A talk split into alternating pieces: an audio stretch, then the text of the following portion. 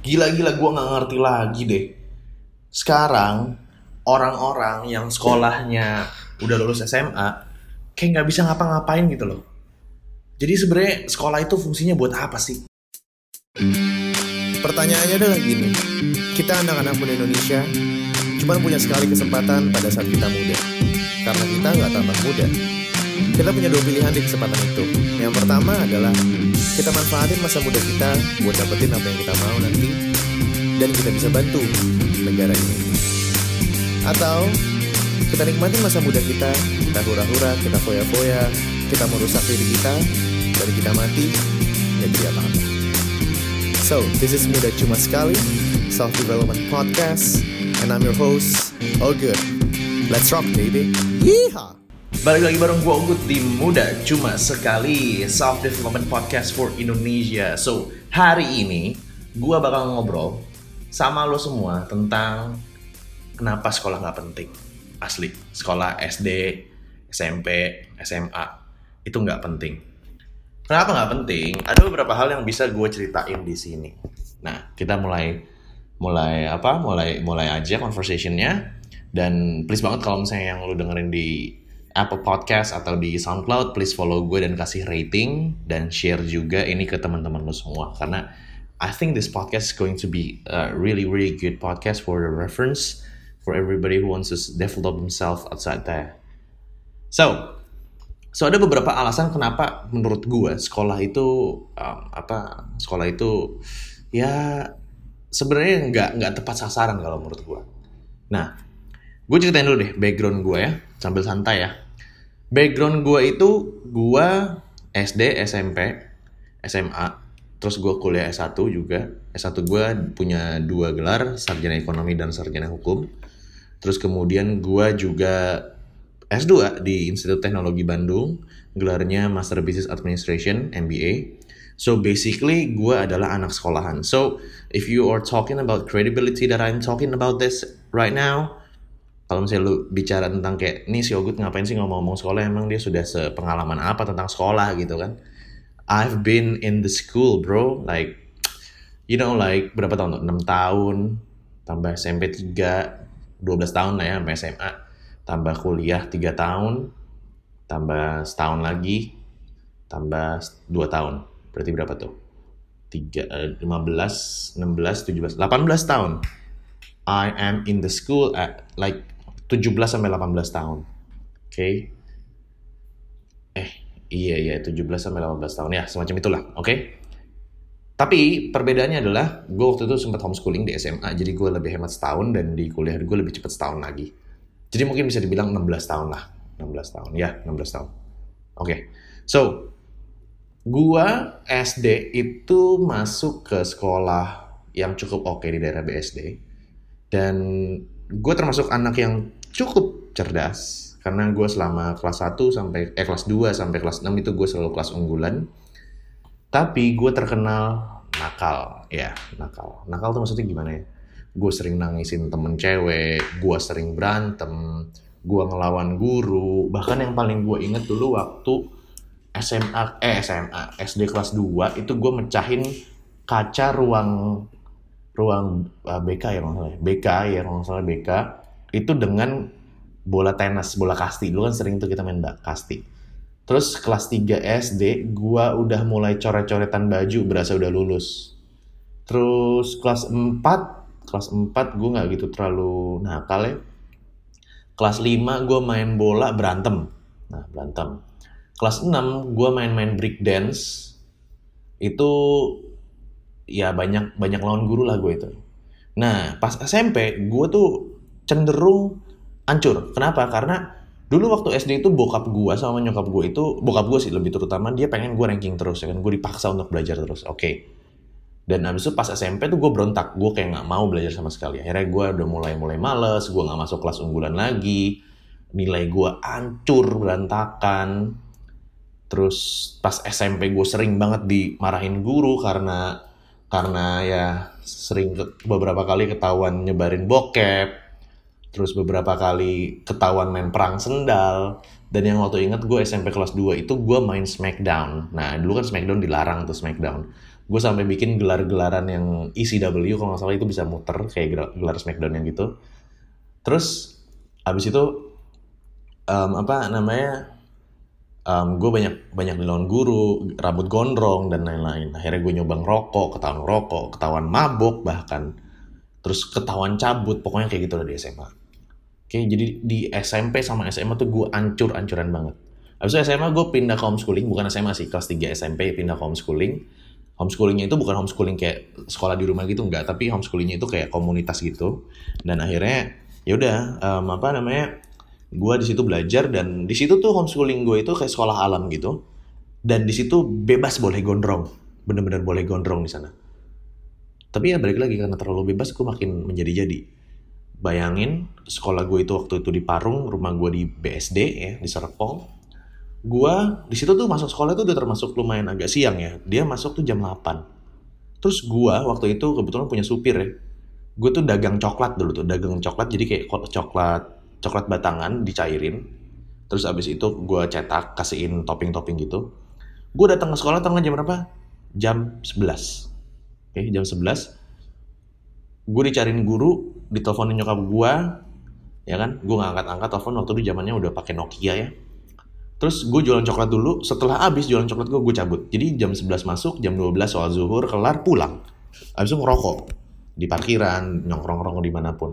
Nah, akhirnya gue lulus SMA, gue lulus SMA itu sempet ya hampir nggak lulus karena gue uan gitu uan itu nilai matematika gue kalau 0,01 lagi nggak lulus aja nggak nggak nggak lewat aja udah bye bye itu pun udah pakai kunci jawaban ya the truth is like that karena ya kita tahu lah apa uan-uan sekarang tuh ladang cuan lah kita tahu lah nggak nggak nggak perlu di nggak perlu dipungkirin lagi itu udah rahasia publik gitu loh Terus habis itu lulus SMA gitu udah selesai, gue masuk ke S1 gue. Nah, pas di S1 itu gue bener-bener serius belajar. Karena kenapa? Karena pertama itu tempat kampus yang gue suka. Dekat rumah juga ya kan. Terus gue juga um, mengambil jurusan yang gue suka, manajemen. Kenapa gue suka manajemen? Itu karena gue dari dulu memang suka berdagang dan gue tahu bahwa gue harus punya ilmu untuk berdagang lebih lanjut. Karena gue sadar waktu jualan coklat gue punya karyawan, tapi ya gue nggak bisa manage karyawannya dan gue cari-cari info ternyata di manajemen itu kita manage everything gitu nah akhirnya gue masuk manajemen dan kuliah S1 S hukum juga S2 juga hukum kelar itu bener-bener bagus hasil gue gue cum laude dua kali di di S1 yang ITB dan sorry yang S2 yang ITB dan S1 gue yang manajemen. Kalau hukum gak cum laude gue gak kurang jago hukum lah. Nah di situ akhirnya gue nyadar bahwa um, setelah gue lulus kuliah gue masuk ke dunia nyata gitu loh. Nah kebetulan gue lulus kuliah tuh cepet banget. Gue umur 21 apa 22 gitu. Gue lupa gue udah megang tiga gelar lah kasarnya kayak gitu. Nah mulailah tuh gue masuk ke dalam dunia yang um, dunia real real world gitu akhirnya gue banyak kepentok di dunia real world coy. Karena gue sadar bahwa dunia kuliahan itu tuh cuman kayak simulation yang bukan bener-bener kuliahan dan sekolah ya maksudnya. Nggak bukan benar-benar kayak the real the real medan perang gitu loh. Sementara real medan perang tuh di di dunia asli gitu. Pada saat lu udah keluar college gitu.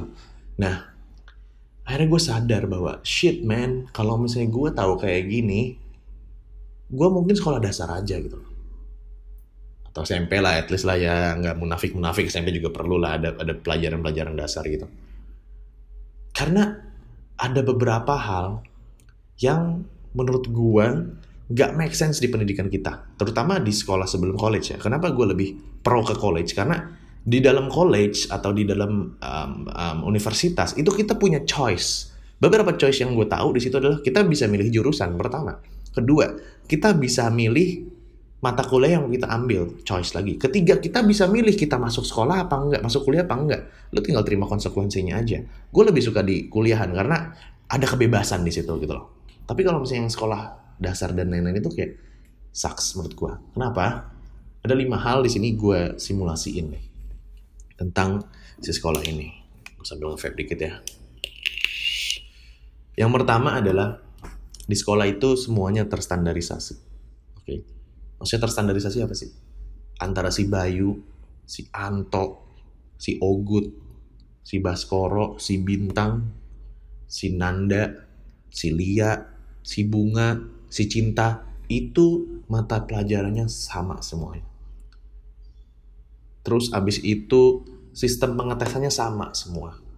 Come on bro, kita punya minat dan interest yang masing-masing. Kita punya kelebihan dan kekurangan masing-masing. Ada ada ada ada kita lebihnya misalnya antara Bunga sama Bayu. Bunga lebih lebih interest di bagian seni, Bayu lebih interest di matematika. Lah masa si Bayu harus ngerti seni? Masa si Bunga juga harus ngerti matematika? It's that, it doesn't make sense menurut gua. Semuanya di standardize.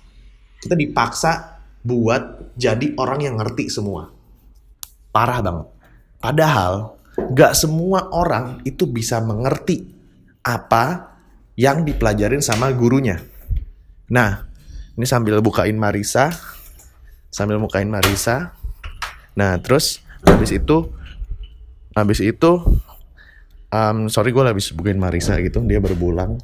Nah, terus everything standardized gitu. Kayak kita kita semula punya banyak shape. Kalau misalnya lu pernah lihat di Google itu ada kayak semacam um, meme tentang school yang ada otaknya tadinya macam-macam gitu kepalanya terus digunting-guntingin sama gurunya akhirnya jadi kotak semuanya. Nah di situ tuh bener-bener kerasa banget di mana semua orang itu diajarin untuk jadi menurut gue kacung revolusi industri. Sekolah sistem sekolah yang saat ini mungkin cocok untuk revolusi industri tapi yang dulu ya yang, yang revolusi industri. Yang uh, industrial age gitu loh yang dari yang ke arah pabrik gitu tapi menurut gue sekarang nggak banget sih. Nggak semua orang standardize. Itu yang pertama. Yang kedua adalah gue berani jamin 100% nih. Gue berani benar berani jamin 100%. Coba sekarang lo inget-inget. Lo taruhan deh sama gue. Hampir 70% yang lo pelajarin di sekolah dasar, SMP dan SMA, ilmunya itu nggak lo inget sampai sekarang. Coba, bener nggak? Lo jawab sendiri deh, bener kan? Gua pribadi, gue nggak inget tuh gimana cara ngerjain integral, men.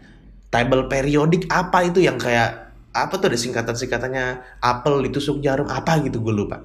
Gue nggak inget, gue kagak mau jadi kagak mau jadi orang yang ngaduk-ngaduk cairan buat jadi golden rice kagak gitu. Gue nggak mau ngaduk-ngaduk cairan buat bisa bikin uh, liquid likuidasi firm apa fermanida apa gue kagak ngerti gitu loh. Terus tanya lagi, gue inget pelajaran segitiga doang segitiga yang gue inget ya segiti yang gue inget rumusnya ya. Yang pertama adalah segitiga sama eh segitiga siku-siku. Itu gue pakai buat apa sih sebenarnya? Gue pakai siku-siku itu kalau misalnya gue mau jalan jalan kaki gitu loh. Misalnya ke satu tempat nih antara lu ngikutin yang L-nya atau yang menyampingnya. Eh gue pilih yang menyamping karena lebih cepet. Itu yang gue pelajarin kedua yang gue pelajarin tambah-tambahan bagi bagian ya standar lah ya. Yang kedua gue pelajarin apa? Aljabar Nah, gue pelajarin soal Jabar kayak kita beli beli apa? Beli uh, uh, satu satu jeruk tambah tiga jeruk tambah empat jeruk hasilnya berapa? Itu gue pakai. Nah, sisanya lupa coy, lupa bener deh, lupa. Ya, Pancasila gue inget lah ya, karena kan belajar PPKN gitu loh. Sisanya lupa. Dan yang dipakai dalam kehidupan itu kan nggak semuanya. Cuman pendidikan kita tuh memaksa kita untuk menjadi semuanya mungkin ada orang yang bilang kayak ah, kita kan harus mengeksplor diri sendiri. Makanya kita belajar banyak hal. Ya iya cuman menurut gua di sekolah itu dituntut untuk bagus semua. Bukan dilihat yang bagus banyaknya bagus salah satunya. Contoh gini misalnya misalnya lu bagi rapot nih ya kan? Nilai misalnya ada bahasa Indonesia bahasa Inggris uh, agama terus habis itu apa matematika uh, fisika kimia gitu.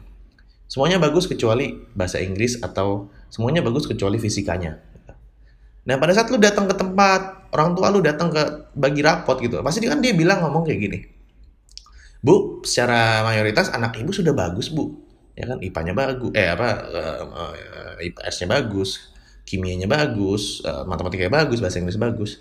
Cuman tolong ditingkatkan ya fisikanya ya.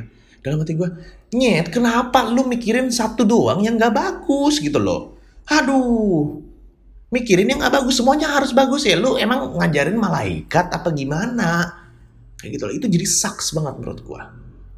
Yang ketiga lu hidup di bawah opinions of others. Artinya persetujuan dari orang lain. Lu bayangkan sekarang orang-orang yang nggak mau berbuat sesuatu karena dia ngerasa takut dinyinyirin lah atau ada orang takut ngomong gini lah. Itu dimulai pada saat kita waktu sekolah Kenapa waktu kita sekolah itu seperti itu?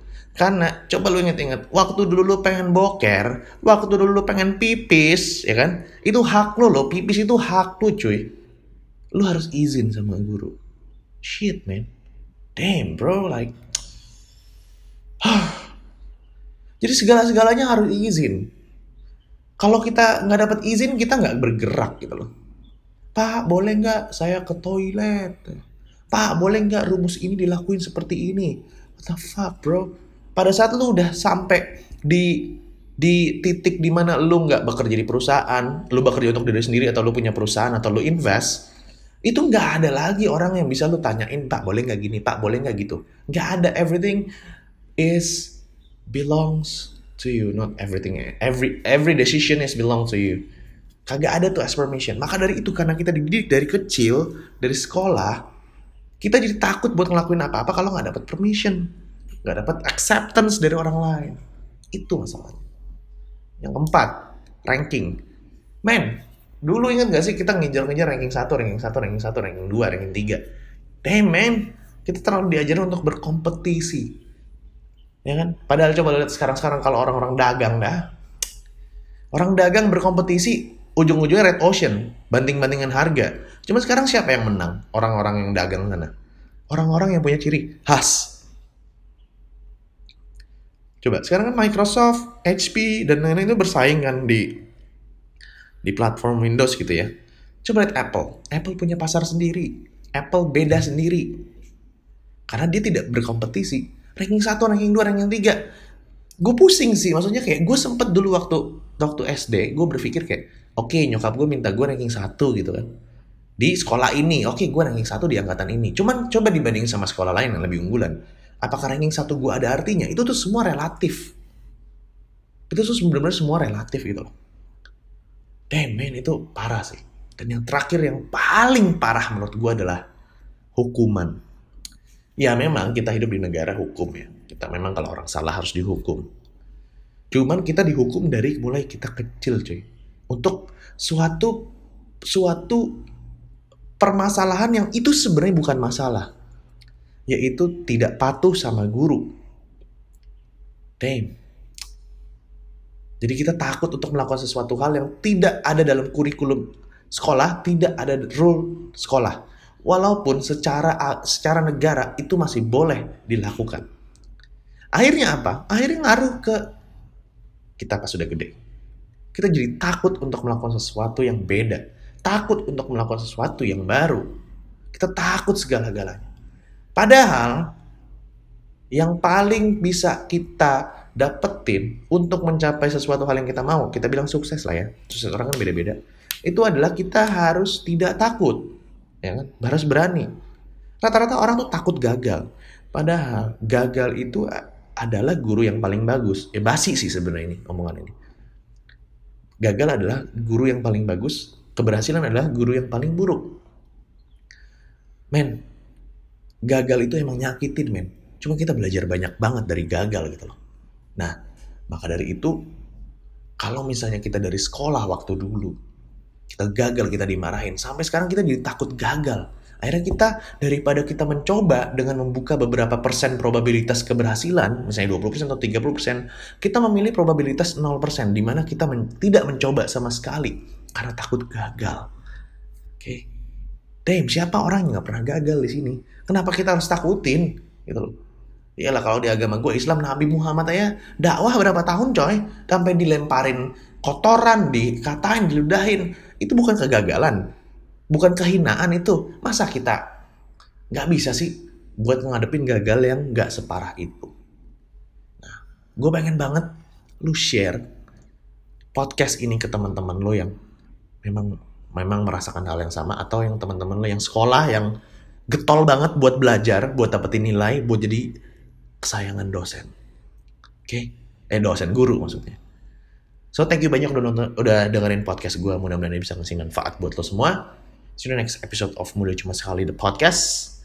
Keep going on your life and find your passion. Karena kita nggak tambah muda. Bye-bye.